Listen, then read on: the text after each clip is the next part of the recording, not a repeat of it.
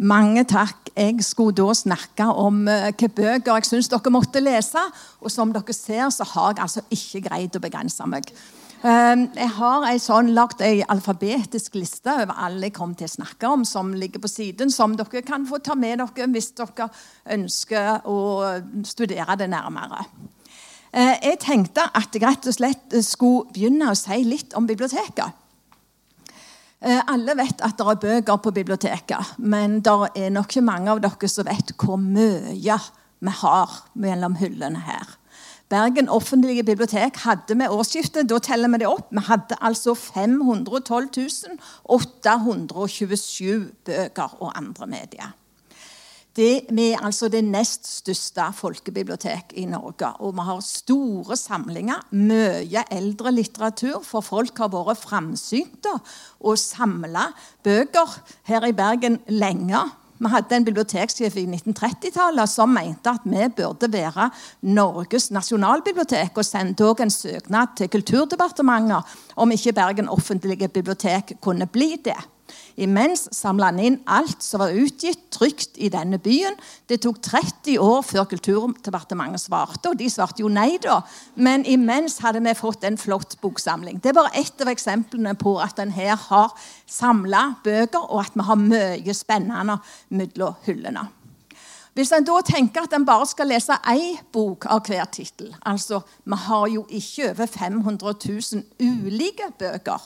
Men hvis en vil uh, vite hvor mange titler vi har, hvor mange ulike bøker vi har, så kan jeg nevne at voksen skjønnlitteratur med årsskiftet Da hadde vi altså 50 127 ulike titler. Det er for mye for et langt liv kan vi si. Så vi kommer aldri igjennom alt det. Hvis dere da er interessert i faglitteratur for voksne, så er det 75 768. Så dere kan trenge guiding. Og jeg vil da reklamere for bibliotekarene våre. De er gyselig flinke å komme med gode tips hvis dere ikke vet hva dere skal lese. Vi har til og med hatt et eh, prosjekt en gang der vi skulle finne de beste bøkene fra verdenshistorien omtrent. Det var utrolig kjekk, et kjekt prosjekt. Men vi krangla voldsomt, for alle ville ha med sine favoritter. Og vi endte med 100 bøker som vi da anbefalte. Og De ble stilt ut, og de ble lånt masse.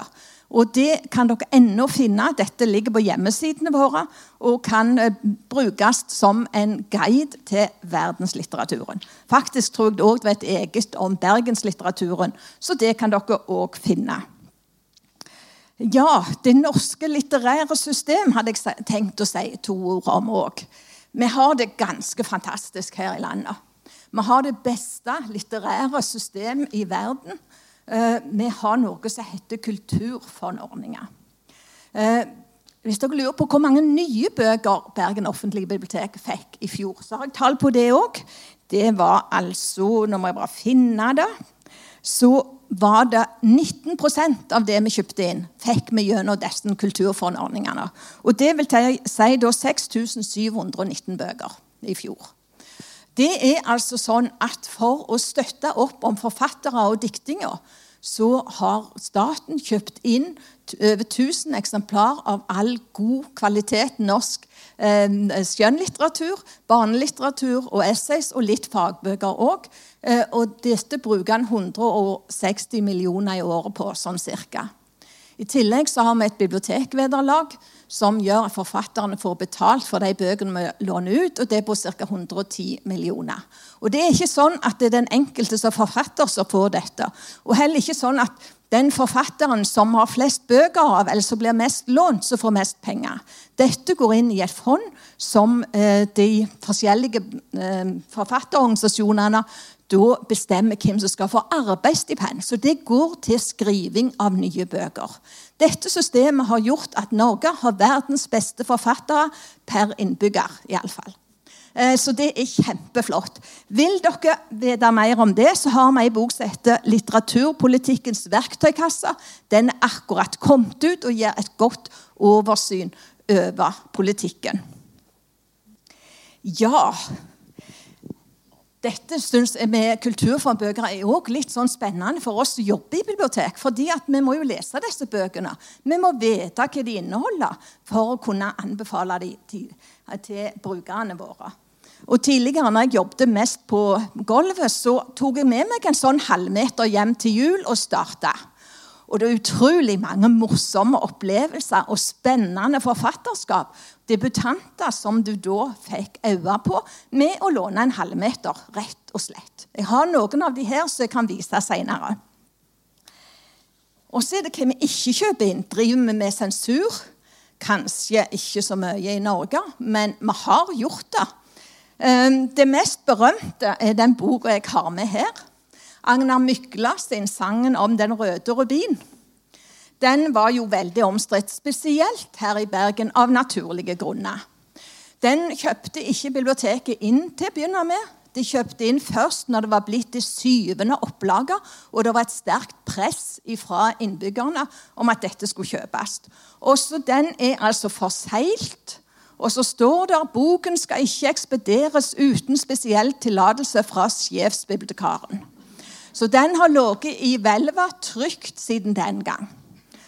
Hvis vi ikke hadde fått den striden om Agnar Mykler, og at bibliotekstyret i Kristiansand dømte boka nord og ned, så tror jeg kanskje at vi hadde hatt enda en flottere forfatter enn det Agnar Mykle ble. Fordi at det var nok et skudd for baugen, dette her. Så vi må tenke litt om, oss litt om når vi eh, vurderer hva som er verdifullt og ikke verdifullt i en biblioteksamling.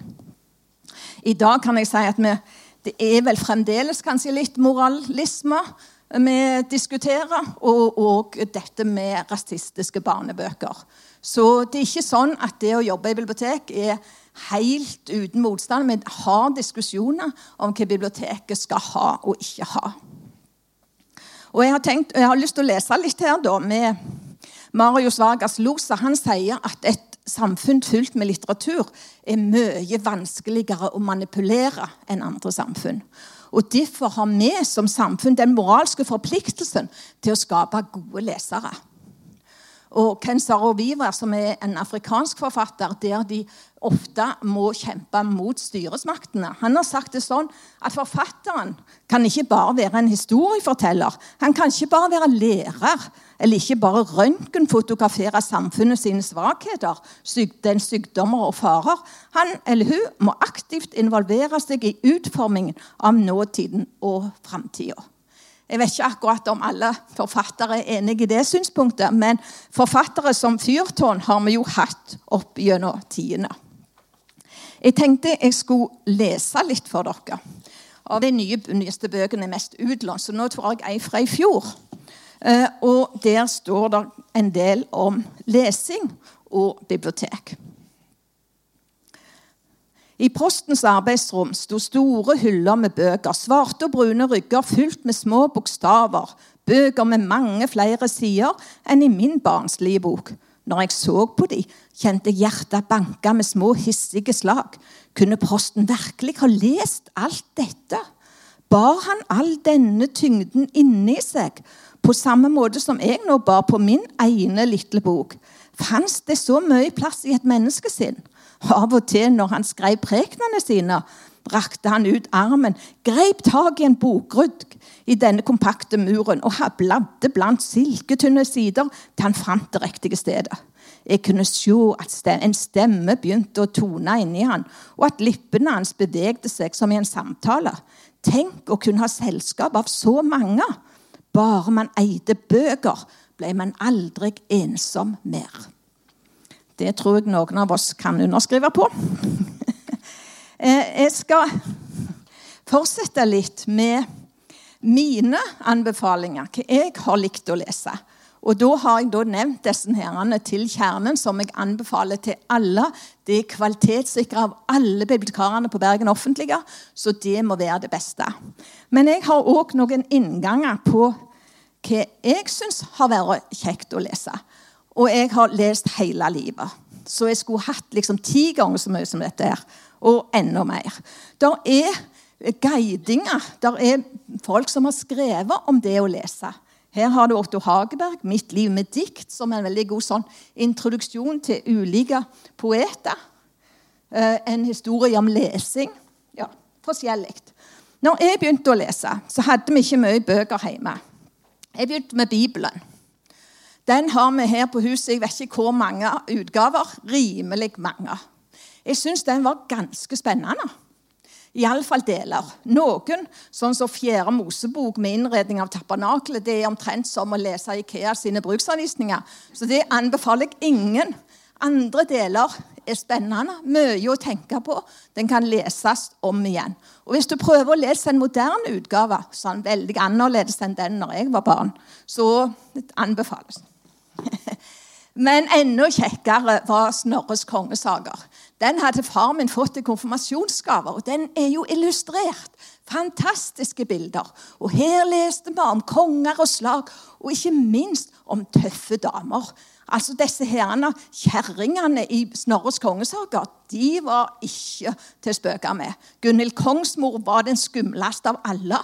Hun var altså mor til Eirik Blodøks og flere andre av det kaliberet. Um, mens jeg da var fra Sola kommune, der bodde Erling Skjalgsson. Jeg vet ikke om dere husker noe med han, men han slepte trellene sine fri. Uh, I tillegg hadde jeg en annen helt, og det var helt feil. For det var en jomsviking som het Vagn Åkesson. Ingen av dere husker hvem han var. Det han gjorde, det han kom i strid, og så uh, ble de jo hogd hodet av alle mann.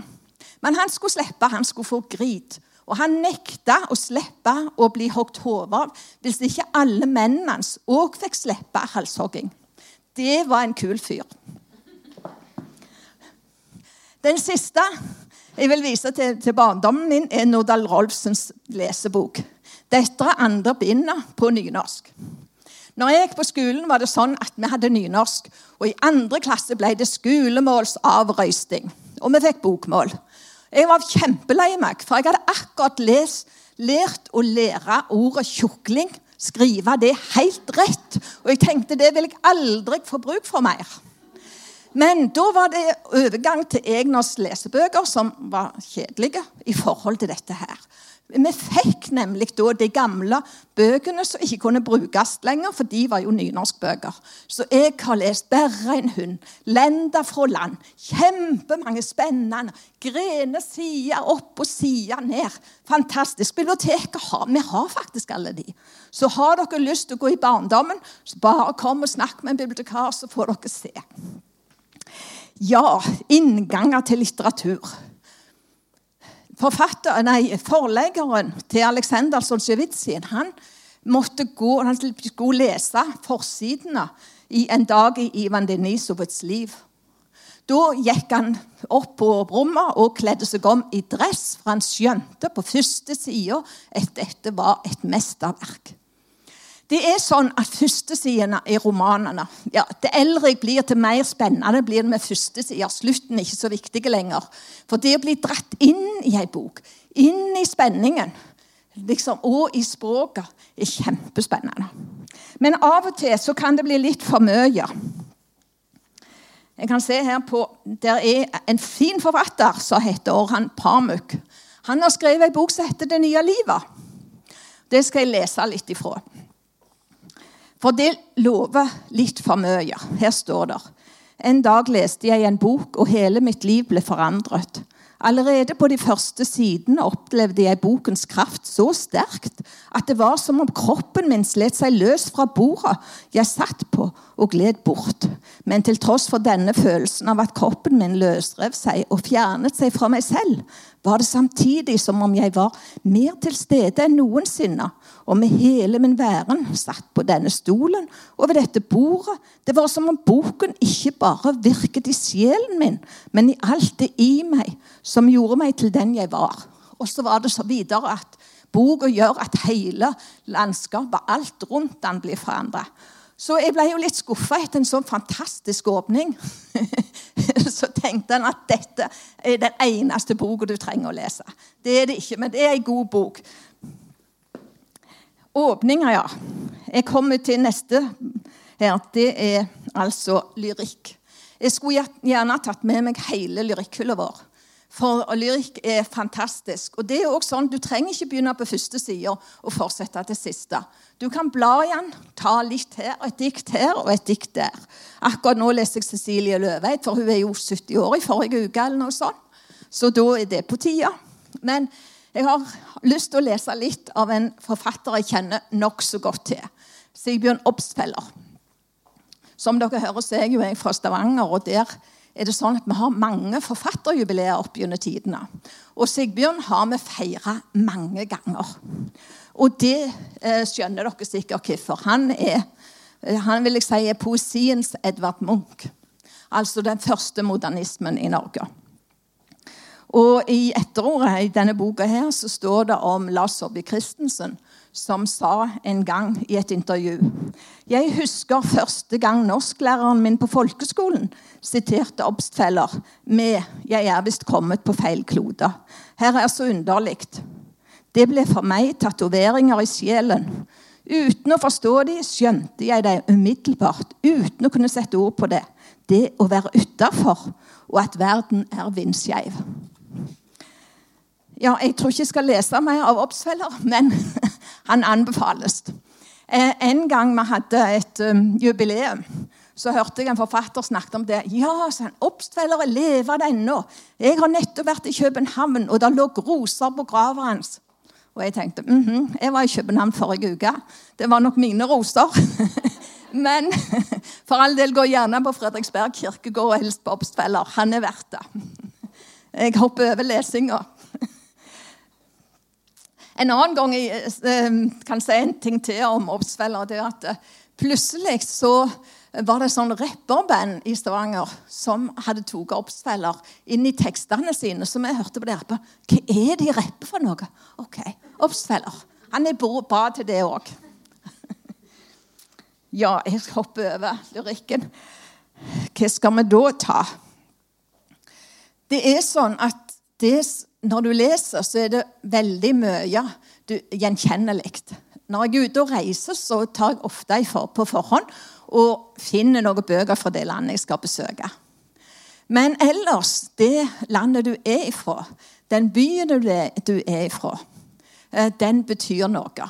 Så jeg må bare innrømme jeg leser gyselig mye bøker av forfattere fra Stavanger og av forfattere fra Vestlandet. Jeg har en gang diskutert med Ottar Grepstad, som var direktør på Ivar Aasen-senteret. Han mener at det er en nynorsk kultur. Jeg vet ikke om jeg er enig, men det er iallfall en vestlandskultur.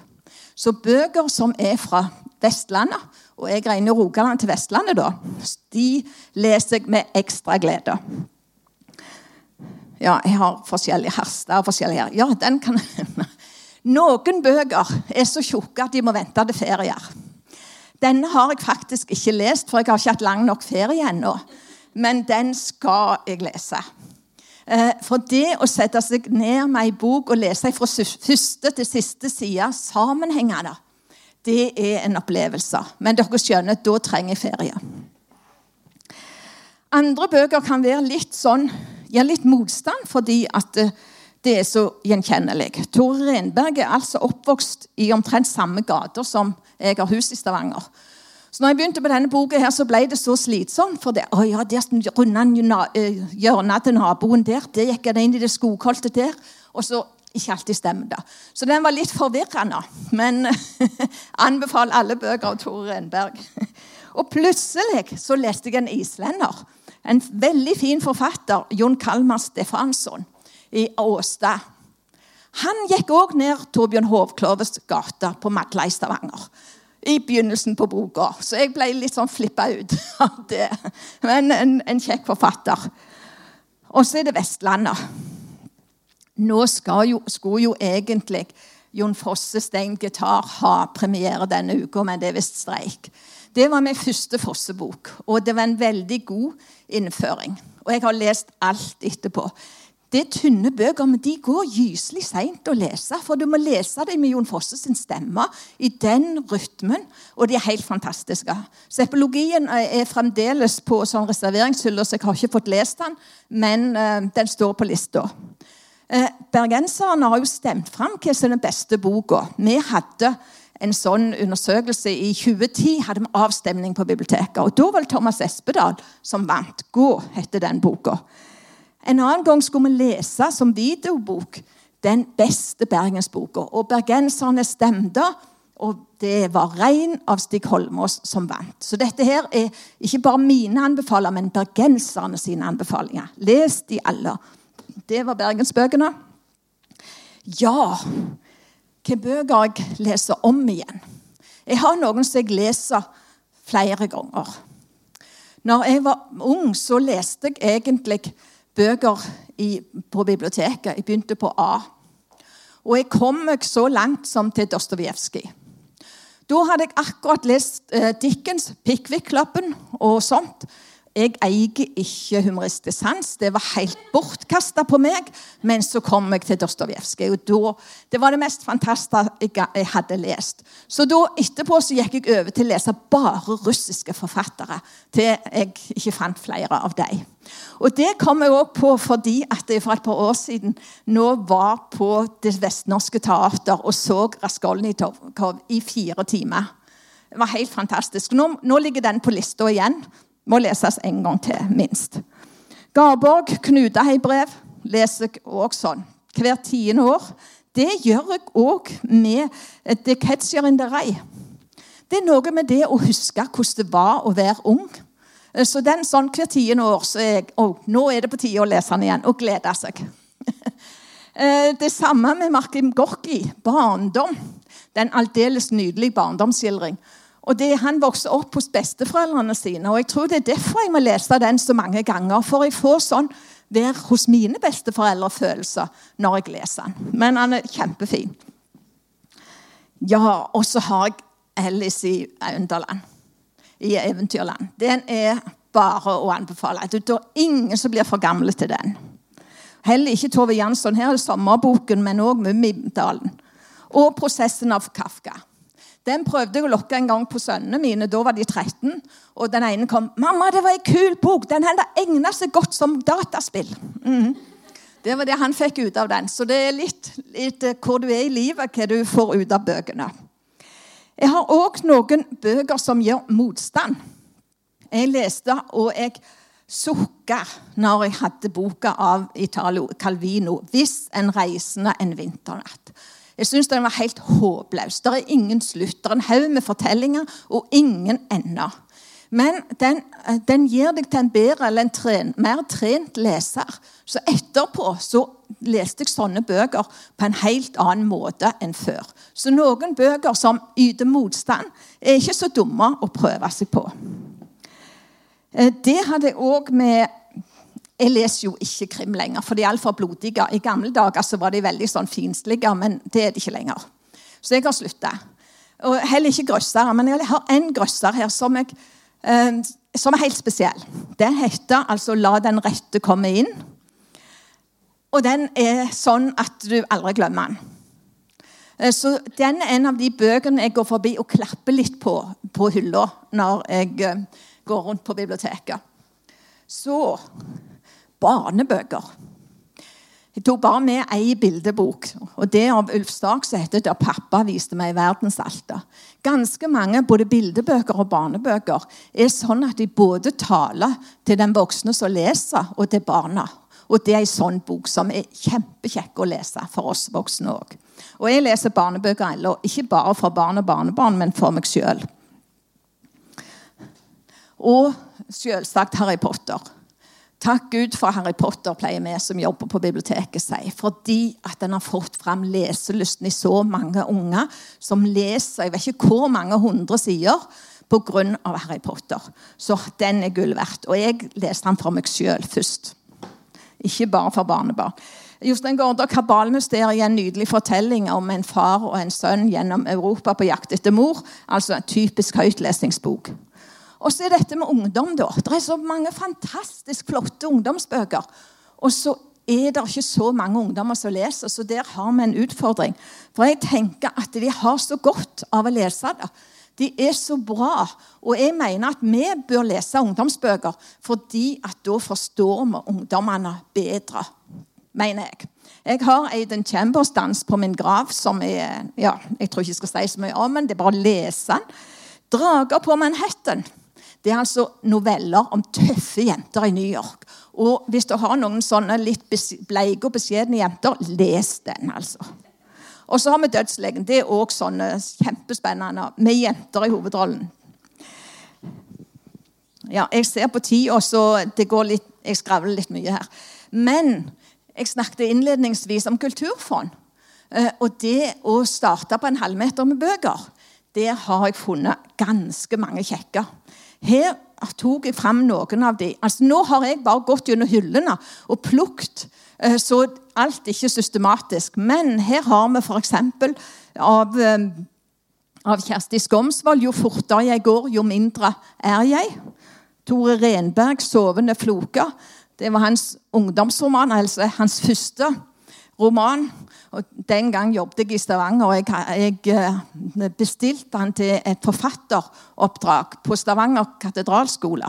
Han var helt i hundre, hoppet opp og ned. Det var to år siden han hadde gått av ut av skolen. Og nå kom han igjen og var forfatter etter to år. Ja, Frode Grytten, 80 grader øst for Børdland. Susanne Skogstad, Svartstilla to år siden. Olaug Nilsen får meg på for faen. Det er så mye spennende bøker. Så hvis dere vil, så går dere og spør bibliotekarene etter debutantbøker. Eh, jeg tror jeg har skravla meg gjennom alle de eh, bøkene som jeg vil si noe spesielt om. Her har jeg sånne som er bare kjekke å lese. Det er disse jeg klapper på når jeg går forbi. Eh, alle, eh, Den første er en Emil Ayar med livet foran seg, om en eh, gutt fra Marokko som bor i i Paris og hans vennskap med ei som er dagmamma for barn av prostituerte. eller noe sånt. Den er helt fantastisk. Jeg griner nesten hver gang jeg går forbi hylla. Alle jeg har anbefalt den til, kommer igjen og vil ha lignende bøker. Og det er et godt tips. Kjenner dere en bibliotekar som har gitt tips om en bok dere likte veldig godt? Spør den samme bibliotekaren, for vi har ikke lik smak. Og den som tipser om en bok du liker, tipser ofte om flere bøker du liker. Eh, jeg tror kanskje ikke at jeg rekker disse. For halvtimen er vel så godt som godt.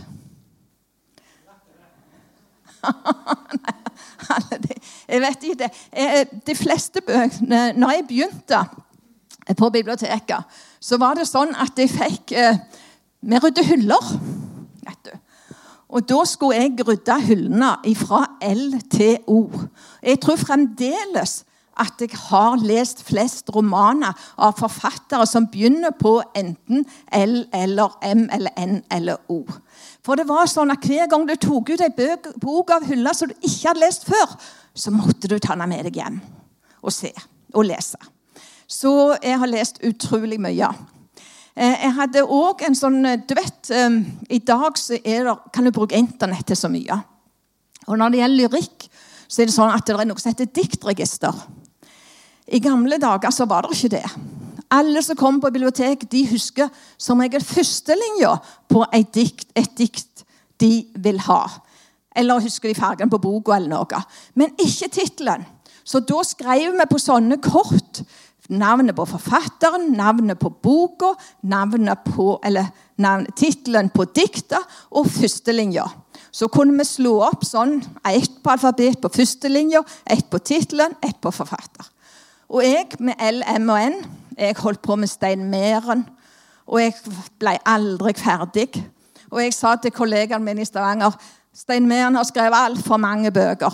Altfor mange dikt. Han ble dødsfornærma. Han het Hanne Sigfundsson og var en islandsk forfatter som var veldig inspirert av Stein Meren. Og der satt jeg med mine mange hundre kort og skulle ordne Stein Meren sitt forfatterskap. Så Sånn kan det være å jobbe i bibliotek. Du mister liksom synet for alt de små detaljene. Men det er gull verdt å ha et diktregister. Så det er jeg veldig glad for at det fins på nettet, så vi slipper å bruke så mye tid på sånn. Eh, John Irving, 'En bønn for Owen Manny', den er òg helt fantastisk. Sånn det ja, kan leses flere ganger og iallfall klappes på i bokhylla. Beate Grimsrud og smyge forbi en øks. hun er jo en helt særegen forfatter. Jeg, jeg, vet ikke om jeg skal si så mye om den, men den er, gjorde veldig inntrykk på meg. i hvert fall. Kjell Westø er en forfatter. Altså, det dumme med å bli så begeistra for noen bøker, det er at du syns du må lese alle bøkene av den forfatteren. Så dermed så er det hele tida dilemma hva du skal velge. Kjell Westø, 'Faren ved å være skrake', den første boka som ble oversatt til norsk. Det er en barndomserildring fra Finland. Alle hans bøker kan anbefales. Og I fjor vel leste jeg en ny forfatter, Agota Christop, 'Tvillingenes dagbok'. Det er en veldig spesiell stemme, eh, som er litt litt Jon Fosse-aktig, vil jeg si, men, men, et veldig spennende språk. Og du, det er tre bind, og du vet søren meg ikke hva som egentlig har skjedd før du har lest alle tre bind, og du vet ikke da heller. Nei. Eh, og det er det kjekke. Carl Frode Triller, innsirkling bind 1, 2 og 3, er jo òg en opplevelse. Så den er bare å si les de. Så er det noen som er ganske lette å lese, for så vidt. Anna Gavalda, 'Sammen er en mindre alene'. Hennes bøk er utrolig godt oversatt til nynorsk. Dette er jo sånn, litt sånn feel good, men uh, med et alvor. Den uh, syns jeg òg er veldig bra. Eh, Elena Ferrante, min briljante venninne, er i samme gate. Men du får òg, i tillegg du får historien, så får du egentlig beskrivelsen av dette av Italia, og hvordan det var på den tida. Veldig detaljert. Så er, hvis du skal reise dit, så er det òg noe eh, å få med seg den atmosfæren som er i den byen i boka. Murakami han har veldig eh, forskjellige bøker. Dette er den jeg liker aller best. Det er den som heter 'Trekk opp fuglen'. Uh, og den er veldig mye sånn fantastisk. Altså, Noen er mer realistiske enn andre. Denne er det ikke. Men det er bare å lese. Kjell Askildsen har nettopp uh, dødd, så han har hatt en utstilling om. Dette var den boka jeg fant. Uh, igjen. Heretter følger jeg deg helt hjem. Alle hans noveller er anbefalesverdige. Ja, Gabriel Garcia Marquez, 100 års ensomhet. Det var den første boka jeg leste av han, men jeg leste jo selv, måtte lese de andre òg. Og det er magisk realisme. Akkurat nå føler jeg at den innflytelsen fra Sør- og Mellom-Amerika òg er kommet til USA. For jeg har de siste par årene òg lest ganske mange romaner fra USA som er fra den hvite, fattige befolkningen eller den befolkningen som er immigranter fra Sør-Amerika. Så eh, har fått, eh, han har fått innflytelse mange plasser. Einar Maur Gudsmundsson, 'Universets engler', handler om et, de som er på, innlagt på et sinnssykehus i Reykjavik. Verste stor oppstandelse når han kom. En kjempegod bok. For oss som liker gamle, sinte damer, syns den er helt herlig. Olive Nitris Jeg kunne sikkert fylt hele bordet med, om uh, romaner om gamle, sinte damer som er ganske tøffe. Det liker de. Og så har jeg Siri Hustvedt, det jeg elsket, og Paul Auster, York-trilogien. Det var det jeg fant. Det jeg rakk. Jeg kunne snakket hele dagen. Fylt på. Takk.